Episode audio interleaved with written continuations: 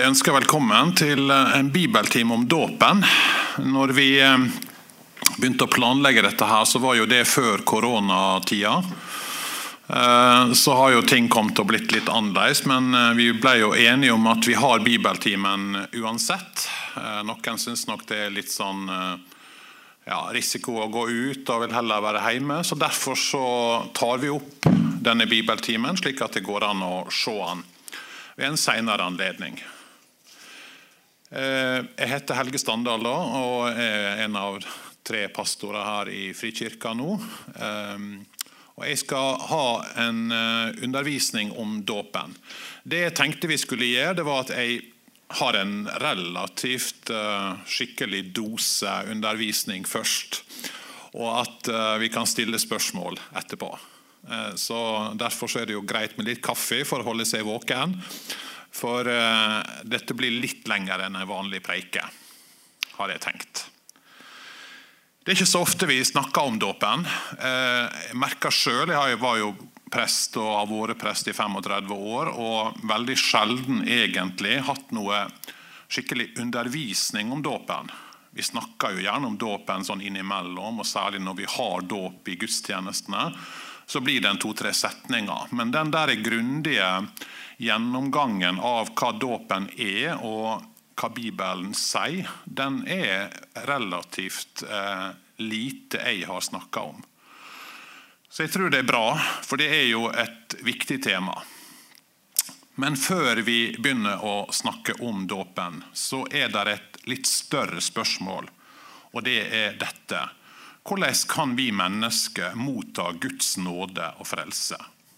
Hvordan kan vi motta nåde og frelse fra Gud? Vi vet at det ikke skjer gjennom gjerningene våre. Det, det, det har vi fått med oss fra, egentlig fra barndommen og søndagsskolen og alle. Og Bibelen er jo veldig tydelig på det, da, at uh, vi har et problem, nemlig at vi er skilt fra Gud sånn som vi er av oss sjøl. I Romerne 3 så skriver Paulus mye om dette. her. Romerne 3 er jo et veldig sentralt kapittel i Bibelen omkring hva det vil si å bli frelst. Og Der sier jo Paulus da det fins ikke én som er rettferdig, ikke en eneste. Det fins ikke én som forstår, ikke én som søker Gud. Alle er kommet på avveier, alle er fordervet. Det fins ikke én som gjør det gode, ikke en eneste. Det høres veldig dystert ut, og, og, det er dystert at vårt forhold til Gud er slik at i oss sjøl så søker ikke vi Han. Eller eh, er på en måte på vei mot Han. Eller er rettferdige. Og Så konkluderer Paulus da i vers 23, Romerne 3, 23, som er et ganske kjent vers i Bibelen. For alle har syndet og mangler Guds herlighet. Det er status. Alle har synda og mangler Guds herlighet. Vi trenger Guds nåde. Det er plattformen på en måte i Bibelen. Og Så er spørsmålet hvordan kan vi få den nåden. da? Er det ved å gjøre gode ting, veie opp for de dårlige tingene vi gjør? Altså at vi gjør såpass mye bra at det veier opp for det dårlige? Nei. Det er veldig klart.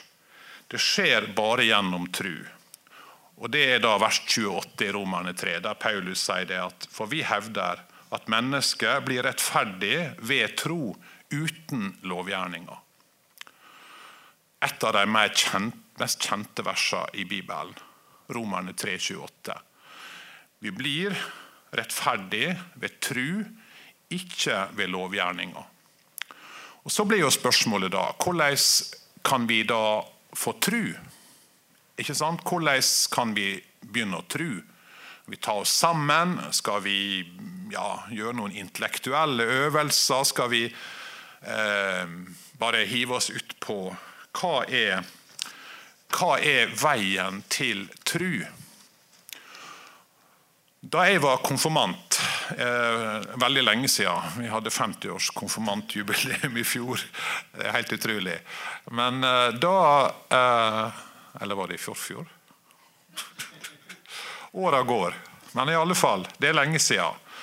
Da hadde vi jo overhøring. Noen av dere som er litt sånn mer på min alder, husker kanskje det. Da, da var det sånn at eh, presten eller pastoren også i frikirka. Jeg tror det var enda tøffere i frikirka enn det var i Den norske kirke. Eh, men i alle fall så skulle du vise hva du hadde lært gjennom konfirmantåret.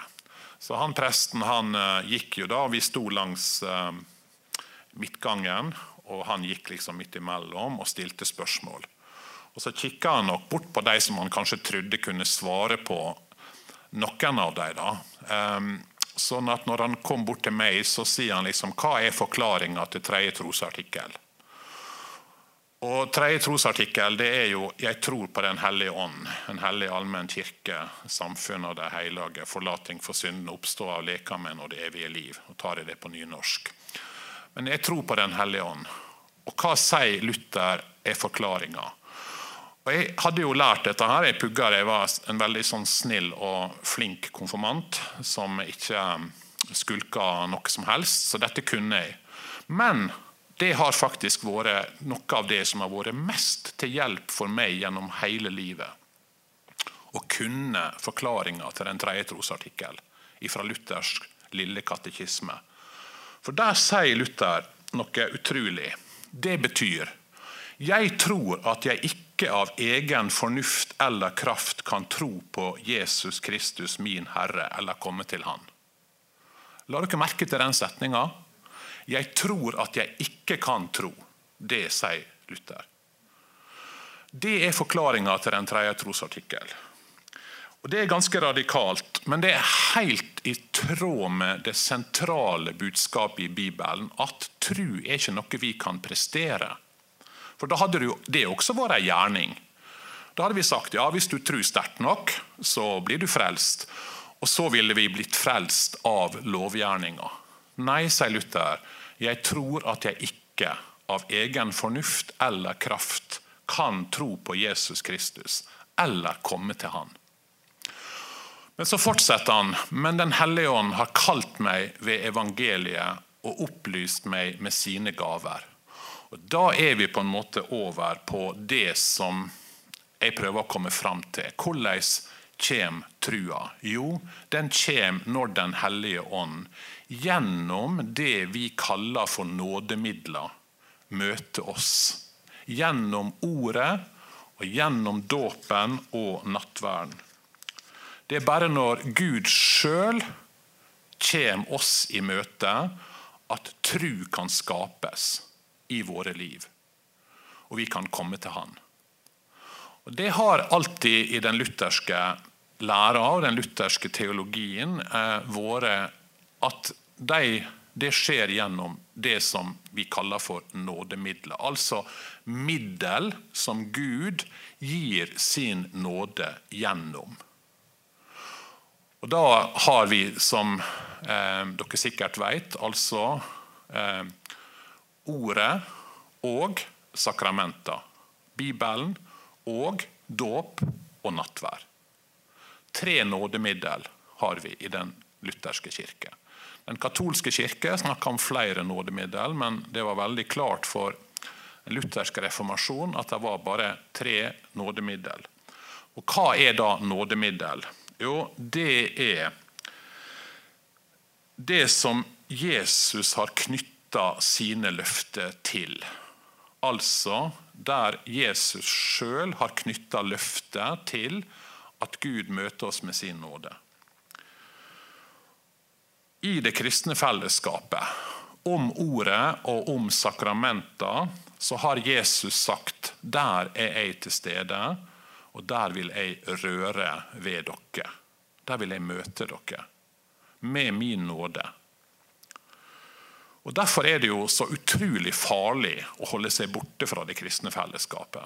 Der er, I vår tid er det veldig mange som sier ja, men vi tror nå på egen hånd og vi finner ut av dette her. og ja, Ikke så farlig om jeg går til noen gudstjeneste eller for så vidt ikke blir døpt, eller om jeg går til nattvær. Det er veldig farlig. Det er helt avgjørende farlig, sier Bibelen.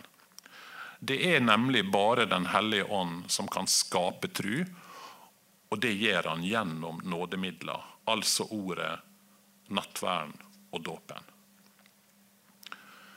Det er en svensk biskop. Noen av dere har hørt om han, heter Bo Gjerts. Eh, han er jo død nå, da, men han var en markant og veldig flink teolog og en veldig god biskop.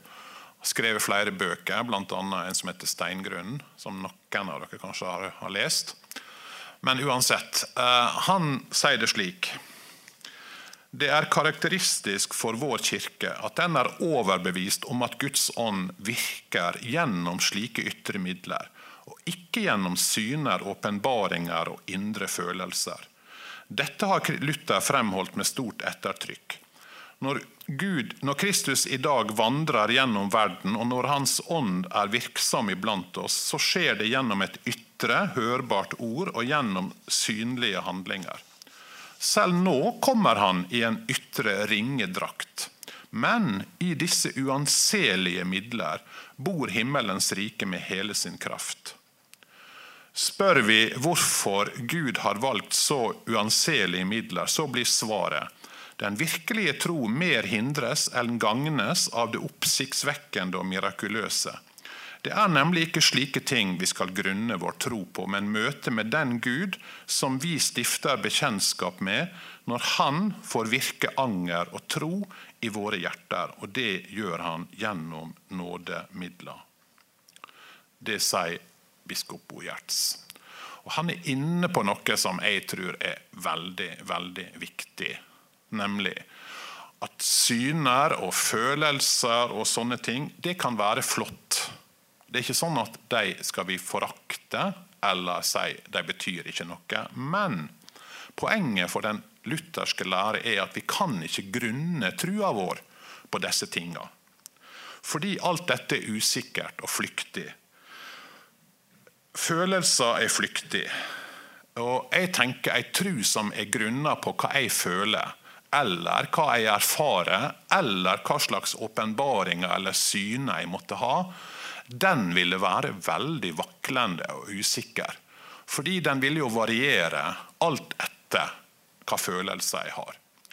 Og nå er jo jeg veldig sånn stabil følelsesmessig, men kan jo tenke deg en person som svinger fra den ene til den andre ytterlighet i følelsene. Hvis trua skal være grunna på det, hvordan vil det kristenlivet være? Det vil være helt umulig på en måte.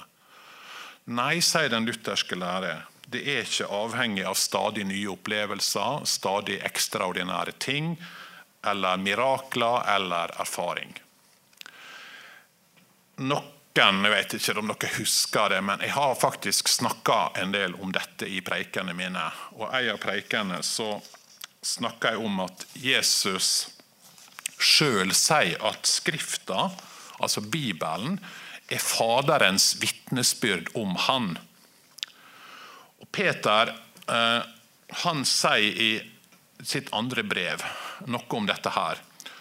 Eh, jeg har ennå ikke kommet til dåpen. Jeg prøver bare å legge et fundament for hva vi skal snakke om i disse to bibeltimene. Håper dere er med på det. Her er ikke sånn lettvint eh, bare sånn ja, vi skal bli ferdige og Nei, her sier han noe viktig. Vi fulgte jo ikke kloke, uttenkte myter da vi kunngjorde for dere vår Herre Jesu Kristi kraft og Hans komme. Nei, vi var øyenvitner og så Hans guddommelige storhet. For han fikk ære og herlighet av Gud, sin far, den gang røsten lød over ham fra den høyeste herlighet. Dette er min sønn, den elskede, i ham har jeg min glede. Vi hørte selv denne røsten fra himmelen da vi var sammen med ham på det hellige fjellet. Dere husker fortellinga. De var på Tabor, og, de, og, her kom Moses og Elia og Moses og Elia og og en til? Ja, Nok om det. De har iallfall et, et syn. Og vi hørte ei røst fra himmelen, sier Peter. Fantastisk. Det må jo være en god grunn å bygge på. Men så sier han derfor står også profetordet så mye fastere for oss. Dette ordet gjør dere rett i å holde fast på. Det er en lampe som lyser på et mørkt sted til dagen gryr, og morgenstjernen stiger opp i deres hjerter. Men dere må framfor alt vite at en ikke kan tyde noe profetord i Skriften på egen hånd, for aldri blir noen profeti båret fram fordi et menneske ville det, men drevet av Den hellige ånd talte mennesker ord fra Gud. Peter sier ja, vi var på fjellet, vi hørte flott stemme, og vi så Jesus forklare, og vi møtte Abraham og Isak og Jakob. Ja, burde ha visst dette her. Dette kommer jo til og med på TV, eller på, på streaming. Nok om det. Vi kan slå det opp etterpå.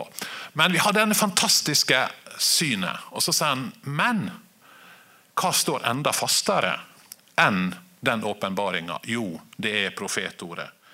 Det er det mest sikre vi var på fjellet, vi hadde en visjon, men vi har noe som er enda sikrere, og det er Skrifta. Og Paulus han sier noe av det samme i Galaterbrevet, der han skriver om at selv om en engel skulle komme, så hvis denne engelen forkynner noe annet enn det vi har forkynt, han være forbanna. Og Tim Keller han har en fantastisk utlegging av dette her i en av sine preikere. Fordi at han sier Mange tenker ja, vi har Bibelen. Ja, ok, greit nok det. Men vi skulle jo gjerne hatt noen engler og noen åpenbaringer og noen syner. Tenk om vi hadde hatt ei røst fra himmelen. Wow, det hadde vært noe, det. Men Jesus sier du trenger ikke det. Paulus sier du trenger ikke det. Peter sier du trenger ikke det. Du har noe som er sikrere, nemlig Guds ord. Hvis det var en plutselig ei røst fra himmelen her nå, da, hva kunne det være? Ja, Det er det som er litt av problemet. Det kunne være bare en hallusinasjon. ikke sant? Jeg var ikke helt frisk og hørte noe jeg laga med et innbilt røst fra himmelen. Det kan være en okkult visjon. Det sier Bibelen, at den djevelen han kler seg om og gjør mirakel og under. Eller det kan være ei røst fra Gud så er hva er sjansen for at det er fra Gud? Ja, en tredjedel. Hva er sjansen for at Bibelen, Guds ord, er fra Gud? 100% Derfor, sier altså Keller, så har vi så mye mer sikkerhet hvis vi holder fast på Bibelen og på nådemidler, enn vi har hvis vi hører ei røst eller får besøk av en engel. Tenk om det kom en engel her nå og så bruker Keller det eksempelet. i den preika, og så sier Han liksom, ja, han ville jo ikke trenge en mikrofon, selvfølgelig, og alle ville tenkt wow, en engel på besøk. Så sier han da håper jeg at noen stiller engelen det spørsmålet. Tror du Skrifta som sier at du kan bare bli rettferdiggjort ved tru gjennom Jesu blod? Du engel, tror du det som Skrifta sier, at et menneske kan bli rettferdiggjort bare gjennom trua gjennom Jesu blod. Og Hvis engelen sier nei, så må noen kaste denne engelen ut, sier Keller. Hiv han ut. Og det, det, er dette som er litt av poenget. da, At eh, nådemidler som er innstifta av Jesus sjøl, har han knytta sine løfter om nåde til. Og Derfor så er det at vi sier dette kan du bygge livet ditt på. Dette er et fundament som du kan bygge livet på. Så skal du glede deg over syne og åpenbaringer for all del, og gjerne at Gud taler til deg på forskjellige måter, og at han kan minne oss om ting for all del. Men fundamentet er ikke det. Og da skal vi gå til dåpen. Hvor skal vi begynne? Jo, um, lang innledning. Men Matteus 28, der Jesus sjøl ber oss om å døpe. Jeg har fått all makt i himmelen og på jorden, går derfor og gjør alle folkeslag til disipler, døp dem til Faderens og Sønnens og Den hellige ånds navn, og lær dem å holde alt jeg har befalt dere. Og se, jeg er med dere alle dager inntil verdens ende. Altså innstifta av Jesus. Og Det er grunnleggende for at vi skal kunne kalle det et nådemiddel. Så når Luther spør hva er dåpen, så sier han dåpen er ikke bare vann. Den er vann som er helliget ved Guds befaling og forent med Guds ord. Så altså, det er ei handling. Ja, det er vann, men det er ikke bare vann. Men det er vann som er helliga ved Jesu befaling og forena med Guds ord. Eh, men var det Jesus som innstifta dåpen? Vi leser jo om dåp før, eh, før Jesus sa dette her. For når Johannes gikk omkring, så døpte jo han også. I Lukas 3 så står det og mens Annas og Kaifas var øverste prester, da kom Guds ord til Johannes, Sakarias sønn i ødemarken. og Han dro rundt i hele landet omkring Jordan og forkynte en omvendelsesdåp som ga tilgivelse for syndene. Johannes han var en foreløper for Jesus. Han var en budbærer, han var en veirydder.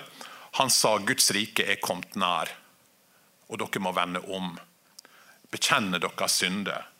Vende dere i tru og lydighet til det som Gud nå er i ferd med å gjøre. Og Når skal det skje? Jo, sier han, jeg døper dere med vann til omvendelse. Men han som kommer etter meg, er sterkere enn jeg, og jeg er ikke verdig til å ta av ham sandalene. Han skal døpe dere med Den hellige ånd og ild. Han har kasteskovlen i hånden og skal rense kornet på treskeplassen. Hveten skal han samle opp i låven, men agnene skal han brenne opp med en ild som aldri slukner. Johannes kommer med en domsforkynnelse. og Han er en, på en måte den, nesten skal vi kalle det den siste av profetene liksom i Bibelen. Liksom det, han er akkurat i overgangen mellom alle disse profetene og Jesus. Og Så sier han du skal vende om, for noe nytt er i ferd med å skje. Og Dermed så var altså dåpen som Johannes døpte med, var en slags renselsesdåp. Som på en måte var en slags bekjennelse. Ja, jeg vil vende om, jeg vil snu meg fra det gamle livet. Og du steig ned i vannet og opp igjen, og du hadde, var altså en foreløper. Men det er altså først når Jesus kommer at han døper med Den hellige ånd, at en virkelig får del i det nye livet og det nye Guds rike. Så kom jo altså eh, Jesus da for å bli døpt um, av Johannes. Og han sier et merkelig ord. Dette må vi gjøre for å oppfylle all rettferdighet. Eh, Jesus kommer altså til Johannes, og Johannes sier nei, jeg, ikke, jeg kan ikke døpe deg. Det er jo omvendt. Det er du som skulle ha vært døpt meg. Og så sier Johan, Jesus dette må skje for å oppfylle all rettferdighet. Ved Jesu dåp blir altså all rettferdighet oppfylt. Og dåpen, Jesu dåp peker tilbake igjen til eh, Jesaja 53. Et helt kapittel som handler en profeti om han som skal komme, Herrens lidende tjener. Når Jesus kommer, så tar han på seg denne tjenerens gjerning. Det var denne rettferdigheten han oppfylte i sin dåp. Og De som blir døpt med den samme dåpen, altså Jesu dåp, og som følger Jesus, har del i den samme. Han ble såret for våre lovbrudd, knust for våre synder. Straffen lå på ham, vi fikk fred. Ved hans sår ble vi helbredet. Vi gikk oss alle vill som sauer, hver tok sin egen vei, men skylden som vi alle hadde, lot Herren ramme han.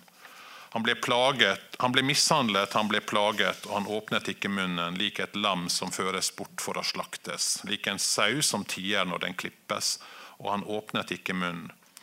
Etter fengsel og dom ble han tatt bort, men hvem i hans tid tenkte på at han ble utryddet av de levendes land fordi mitt folks lovbrudd rammet han? Da han var død, fikk han sin grav blant urettferdige hos en rik, enda han ikke hadde brukt vold, og det fantes ikke svik i hans munn. Det var Herrens vilje å knuse ham med sykdom. Når hans liv er gitt som et skyldoffer, skal hans etterkommere òg leve lenge. Ved hans hånd skal det lykkes, det Herren vil. Etter sin nød skal han se lys, han skal mettes ved sin innsikt. Min rettferdige tjener skal gjøre de mange rettferdige. Han har båret deres skyld. Når Jesus sier 'jeg 'kommet for å oppfylle all rettferdighet', så går han inn og sier 'jeg er den rettferdige tjener som er kommet for å oppfylle dette her. Og Derfor så er det altså etter Jesu dåp en ny og annerledes dåp vi møter i Det nye testamentet. Vi møter ikke lenger Johannes-dåpen, men vi møter en dåp til Jesus Kristus. Og Jesus han er da dåpa, dåpen sin kraft. Vi blir i dåpen ført til han og inn i hans rike. Han har fridd oss ut av mørkets makt og ført oss over i sin elskede sønns rike. Så dramatisk er det å bli frelst. Å snu totalt om fra å være i mørkets rike til hans elskede sønns rike. Og det er altså i første kor 6,11 sier også Paulus slik var noen av dere før, men nå er dere vasket rene, dere er gjort hellige, dere er gjort rettferdige i Herren Jesu Kristi navn og ved vår Guds ånd.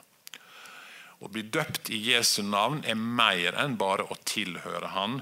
Nei, navnet dekker denne personen sin makt, sin vilje og sin kjærlighet i navnet Jesus er hele hans livsfylde og livsmakt. Og Det å bli døpt til hans navn, det betyr å få del i det som han eier.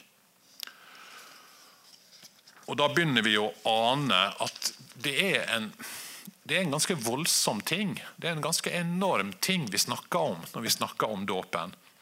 Dåpen er å bli døpt bort fra mørkets makt, alt som hører denne verden til, som er prega av synd og død og ja, fornedrelse og forgangenhet, til den livsfylde og den livsmakt som Jesu navn rommer, inn i Guds elskede sønns rike.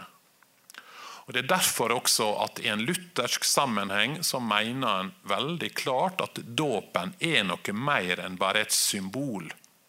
Altså Det er ikke bare en symbolsk handling. Nei, det skjer noe i dåpen. Hva skjer i dåpen? Ja, Romerne 6 er jo et kjernekapittel om det. Så Hvis dere skal lese liksom hva er dåpen og konsekvensene av dåpen, så er Romerne 6 et av de avsnittene som en absolutt må lese.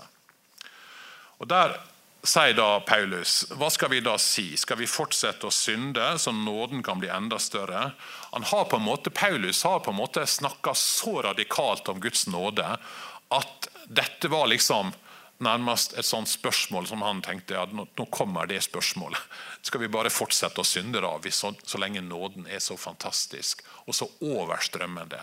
Selvsagt ikke, sier Paulus. Hvordan kan vi som døde bort fra synden, fremdeles leve i den? Eller vet dere ikke at alle vi som ble døpt til Kristus Jesus, ble døpt til hans død? Vi ble begravet med ham da vi ble døpt med denne dåpen til døden. Og som Kristus ble reist opp fra de døde ved sin fars herlighet, skal også vi vandre i et nytt liv. Har vi vokst sammen med Kristus i en død som er lik hans, skal vi være ett med ham i en oppstandelse som er lik ham.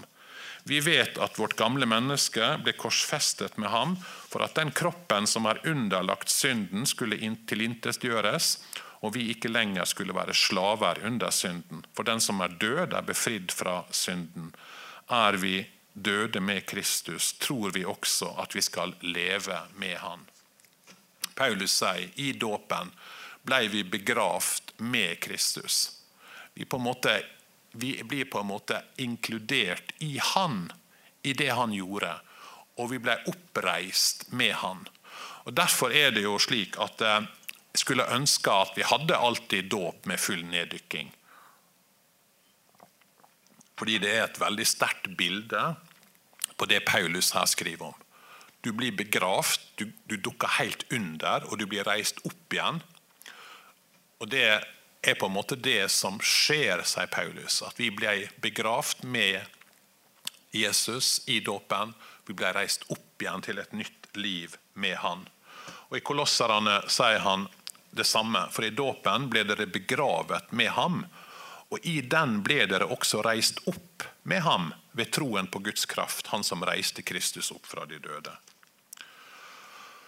Sånn sett så er det altså både vann og det er ånd som møtes i dåpen. Vanndåpen det uttrykker altså døden bort fra mørkets makt. At vårt gamle menneske blir korsfesta med Kristus. Eh, vi ble på en måte begravd med han. Åndsdåpen betyr jo at vi står opp igjen til et nytt liv. At er, det er et nytt menneske som blir reist opp. Og Det er ett vers i Bibelen som Paulus skriver veldig tydelig dette her. og Det verset er kanskje det. Hvis dere skal ha ett vers som på en måte kan være en slags knagg for den lutherske lære om dåpen, så er det Titus 3,5. Det er en slags sånn av alle oppsummeringer så er kanskje det oppsummeringa som jeg syns dekker best den tanken og den læra vi har om dåpen. Han frelste oss, ikke pga. våre rettferdige gjerninger, men fordi han er barmhjertig. Han frelste oss ved badet som gjenføder og fornyer ved Den hellige ånd. Ikke pga. våre rettferdige gjerninger, kun pga. hans kjærlighet. Han tok initiativet. Hans nåde, hans godhet, er det vi er frelst. Og så gjør han det, sier Paulus, ved badet som gjenføder og fornyer ved Den hellige ånd. Og Så kommer jo selvfølgelig spørsmålet ja, men trua, da? Hvor er, hvor, er, hvor er, den i dette bildet? her? Eh, må ikke du tru også? Er det bare nok å bli dukka under i et vann eller få vann på hodet? Nei. Dåp og tru henger sammen. Jesus gir dette bare til de som påkaller det i tru. Og Derfor hører tru og dåp uløselig sammen. Det er ikke sånn at Baptister og reformerte de sier at ja, men du må tru og du må bli døpt, mens lutheranere sier det holder at du er døpt. Det er ikke sånn. Da hadde vi kunnet bare, var jo noen som foreslo det. Da kunne vi bare fly over liksom, befolkning og døpe dem, spre vann utover, så var alle berga. Nei, selvsagt ikke. Det er ikke noe magisk i dette her. Den som tror og blir døpt, skal bli frelst, sa Jesus. Tro og dåp henger sammen. Og Det er ikke noen lutheraner har problem med at tro og dåp hører sammen. Det har alltid vært slik at knytta til dåp så er det alltid et spørsmål tror du på Gud Fader. Tror du på Jesus Kristus? Tror du på Den hellige ånd? Når folk er voksne, så svarer de sjøl. Og når det er barn, så svarer foreldra. Og da skal jeg komme tilbake igjen til det. Men bare hva er det vi har i dåpen, sier Luther. Hva gagn har vi av dåpen? Dåpen virker syndenes forlatelse, frelser fra døden og djevelen og gir evig salighet til alle som tror. Dette er Guds ord og løfte. Legg merke til at også i katekismen så henger dette på til alle som tror. Så hva med barnedåpen, da? Ja, Det er jo et spørsmål som selvfølgelig vi må si litt om. Står det noe om barnedåp eller ikke i Det nye testamentet? Nei, det står ikke noe om det. Og Det har jo vært en kilde til eh, en del ja, både selvfølgelig samtaler og diskusjon, men også til splid og til forskjellige kirkesamfunn. Jeg har jo, Da jeg var ung, så på 70-tallet, um, ja, ca., så eller ja, litt før så, så, var så, var jo, dette her et kjempespørsmål. Altså det, var jo, det var veldig diskutert i ungdomsmiljøer om eh, dette med voksendåp. Eller, og eh, Pinsevenner som jeg kjente, sa den dåpen du er døpt med, er ikke noe skikkelig dåp. og Jeg sa ikke det samme om deres dåp, men det var liksom veldig, det var veldig masse diskusjon. Så har det på en måte blitt en slags en har på en måte mellom de forskjellige kirkesamfunnene kommet litt sånn nærmere hverandre. Eh, der de mer reformerte baptister, pinsevenner og sånt sjøl understreker mer det som Gud gjør i dåpen, og der vi som kanskje lutheranere og katolske kirker også mer understreker at trua hører med. Slik at en har på en måte nærma seg. Og Det er litt interessant at det, pinsevenner nå diskuterer faktisk om du kan bli medlem i ei pinsekirke uten å bli døpt som voksen. Det er flere som, som nå foreslår det. Eh, blant Salt har jo hatt en runde på det, der de sier at nei, vi kan bli medlem hos oss uten å bli døpt um, når du er døpt som barn. Det var jo helt utenkelig på, i min ungdom. Da var det liksom, Skulle du bli pinsevenn eller skulle du bli medlem i en baptistkirke, så var ikke det noe valg. Du måtte bli døpt uh, som voksen. Så hva er tankegangen med den lutherske lære, da? For det første så virker det som i Bibelen der er flere eksempel på at eh, det ikke bare var voksne som ble døpt. Og da har du kan få to eksempel her. Begge er fra apostelgjerningene 16.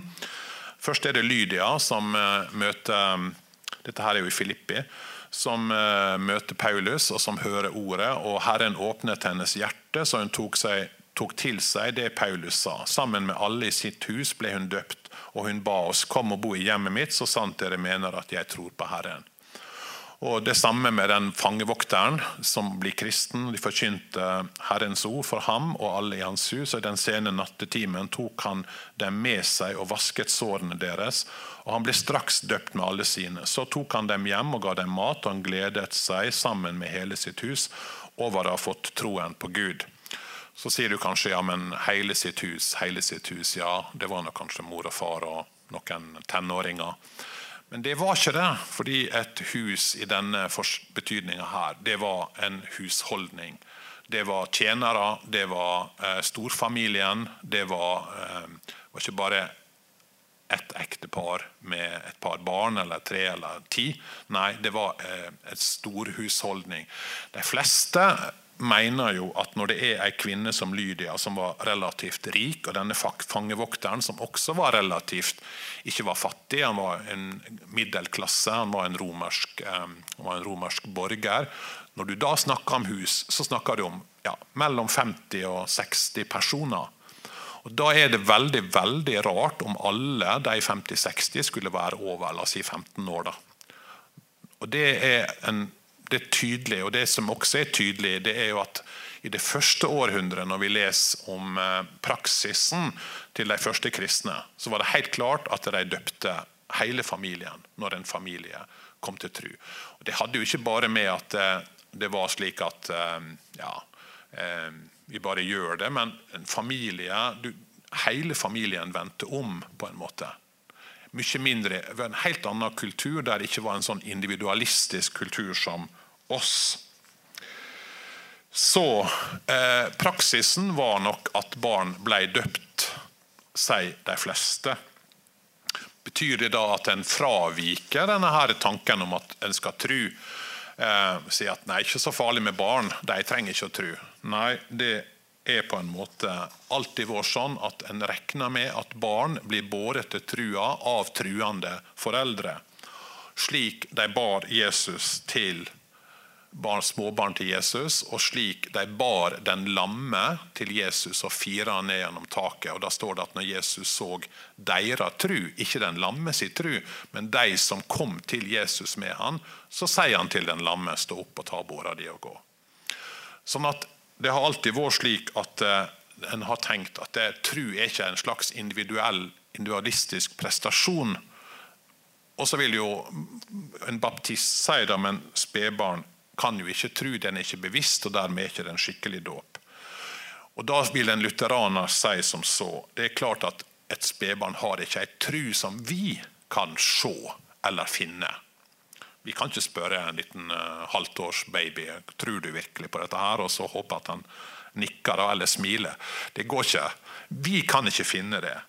Men betyr det at Gud ikke kan se eller finne, eller at Gud ikke kan røre ved denne babyen? Og Her er vi på en måte litt fanga av vår individualistiske kultur. Uh, der vi må på en måte kanskje oppdage på nytt vår felles tru, vi som bærer dem til barnet og at det er Gud som skaper denne trua. Så har det alltid vært en praksis at eh, et kristent hjem som er villig til å be for barnet og lære det opp i den kristne trua, der døper en. Og her er det jo selvfølgelig da et stort problem i de tradisjonelle folkekirkene i Europa, nemlig at en har på en måte gått bort fra det. En døper egentlig alle, sjøl selv om en ikke verken utfordrer eller eh, vet at en del av disse her ikke vil verken lære barna sine om Jesus eller be for dem eller oppdra dem til dette. her. Og Da kan en jo forstå at mange pinsevenner og baptister stiller spørsmål ved den praksisen som Den norske kirke har. Den kan du godt skjønne. Og den har vært vanskelig, syns jeg. Så litt da, til Nå nærmer vi oss slutten her. Bare to-tre sider igjen her. Jeg hadde sikkert 20. Um, hva er den læregrunnlaget vårt? Jo, den augsburgske bekjennelse, som er en del av læregrunnlaget sammen med Luthers lille katekisme. Så er den augsburgske bekjennelse og trosbekjennelsene det er det som læregrunnlaget vårt som kirkesamfunn. Og Der står det om dåpen lærer de at den er nødvendig til frelse, og at Guds nåde blir budt fram ved dåpen, og at barna bør døpes, de som blir mottatt i Guds nåde, når de ved dåpen er overgitt til Gud. Du overgir barna til Gud, og du, blir, du tror at de blir mottatt i Guds nåde. Og Det peker jo tilbake igjen selvfølgelig til det Jesus sier også i Johannes 3. Når han snakker med Nikodemus, så sier han at eh, sannelig, sannelig, jeg sier dere, den som ikke blir født av vann og ånd, kan ikke komme inn i Guds rike. Det som er født av kjøtt, er kjøtt, men det som er født av ånden, er ånd. Når Jesus snakker om å bli født av vann og ånd, så er det et sterkt uttrykk for at Jesus sier gå ut gjør alle folkeslag til læresveiner idet dere døper dem og lærer dem å holde alt det som jeg har sagt dere. Vannet og ånden er knytta sammen. Uh, ja, Et siste bibelvers, tror jeg. Da er vi, nærmer vi oss slutten. For første Peters brev så bruker også Peter et bilde om dåpen. Um, og Da bruker han dette bildet med Noah. Uh, de hadde vært ulydige i Noas dager, den gang Gud ventet tålmodig mens arken ble bygd. I den ble noen få mennesker, åtte i alt, frelst gjennom vann. Dette, sier Peter, er et bilde på dåpen som nå frelser også dere. Dåpen er ikke å vaske kroppen ren for sitt, men en bønn til Gud om en god samvittighet i kraft av Jesu Kristi oppstandelse. Han som for opp til himmelen og nå sitter ved Guds høyre hånd, etter at engler, myndigheter og makter er underlagt ham. Bildet Du gikk inn i arken, du ble frelst eh, gjennom vann. Og det, sier Peter, det er et bilde på dåpen, som nå frelser også dere.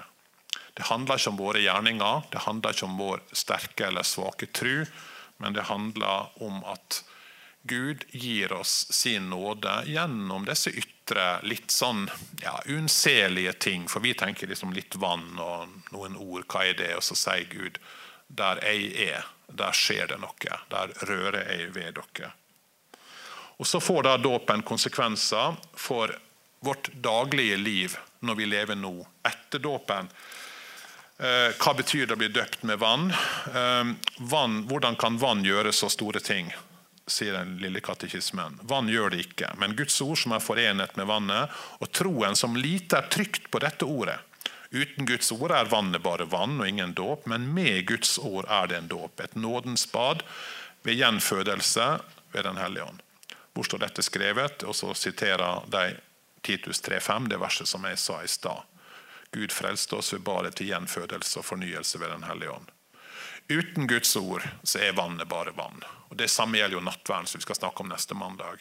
Uten Guds ord så er det bare vin og brød, men når Guds ord kommer, så skjer det noe. Guds ord er virkekraftig. Så hva betyr det da å bli døpt med vann? Det betyr at den gamle Adam i oss skal druknes ved daglig anger og bot og dø med alle synder og onde lyster, og et nytt menneske daglig skal stige fram og leve evig for Gud i rettferd og renhet. Altså, Det er ikke en slags sånn ja, ja, vi er døpt, så da kan vi jo leve som vi vil. Eller ja, ja, vi er døpt, så da er vi ferdig med det. Nei. Dåpen er en oppreisning til et nytt liv, som er et liv i daglig omvendelse. I daglig anger og bot. Så det er på en måte um, den ja, lutherske lære om dåpen. da. Bare et par kommentarer til slutt. da.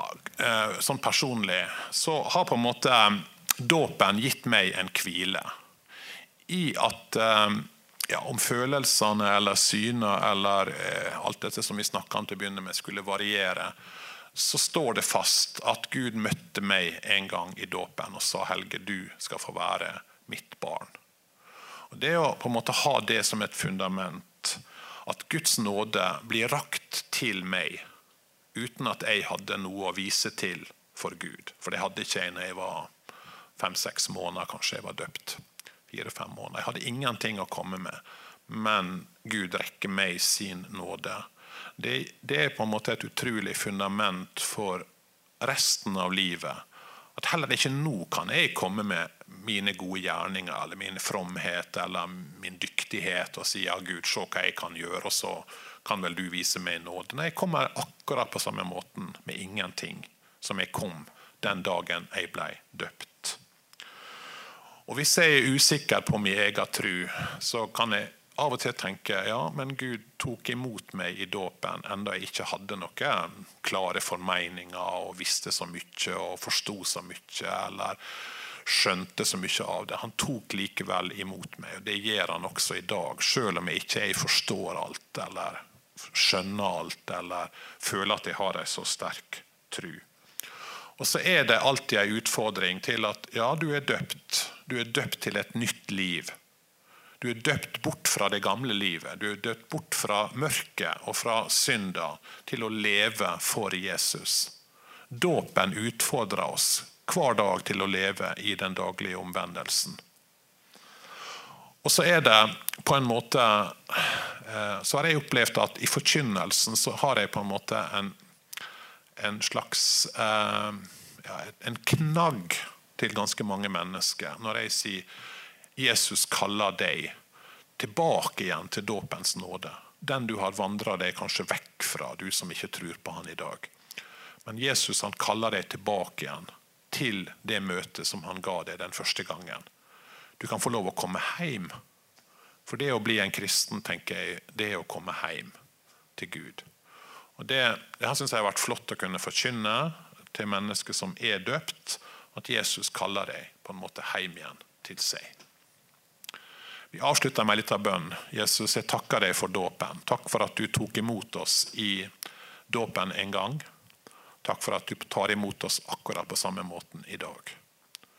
Vi har ingenting å bringe deg, verken av sterk tru eller gode gjerninger eller fromhet eller prestasjoner. Men du kommer først med din nåde og rekker den til oss. La dåpen få utfordre oss til å leve det nye livet sammen med deg i daglig omvendelse og bot. Amen.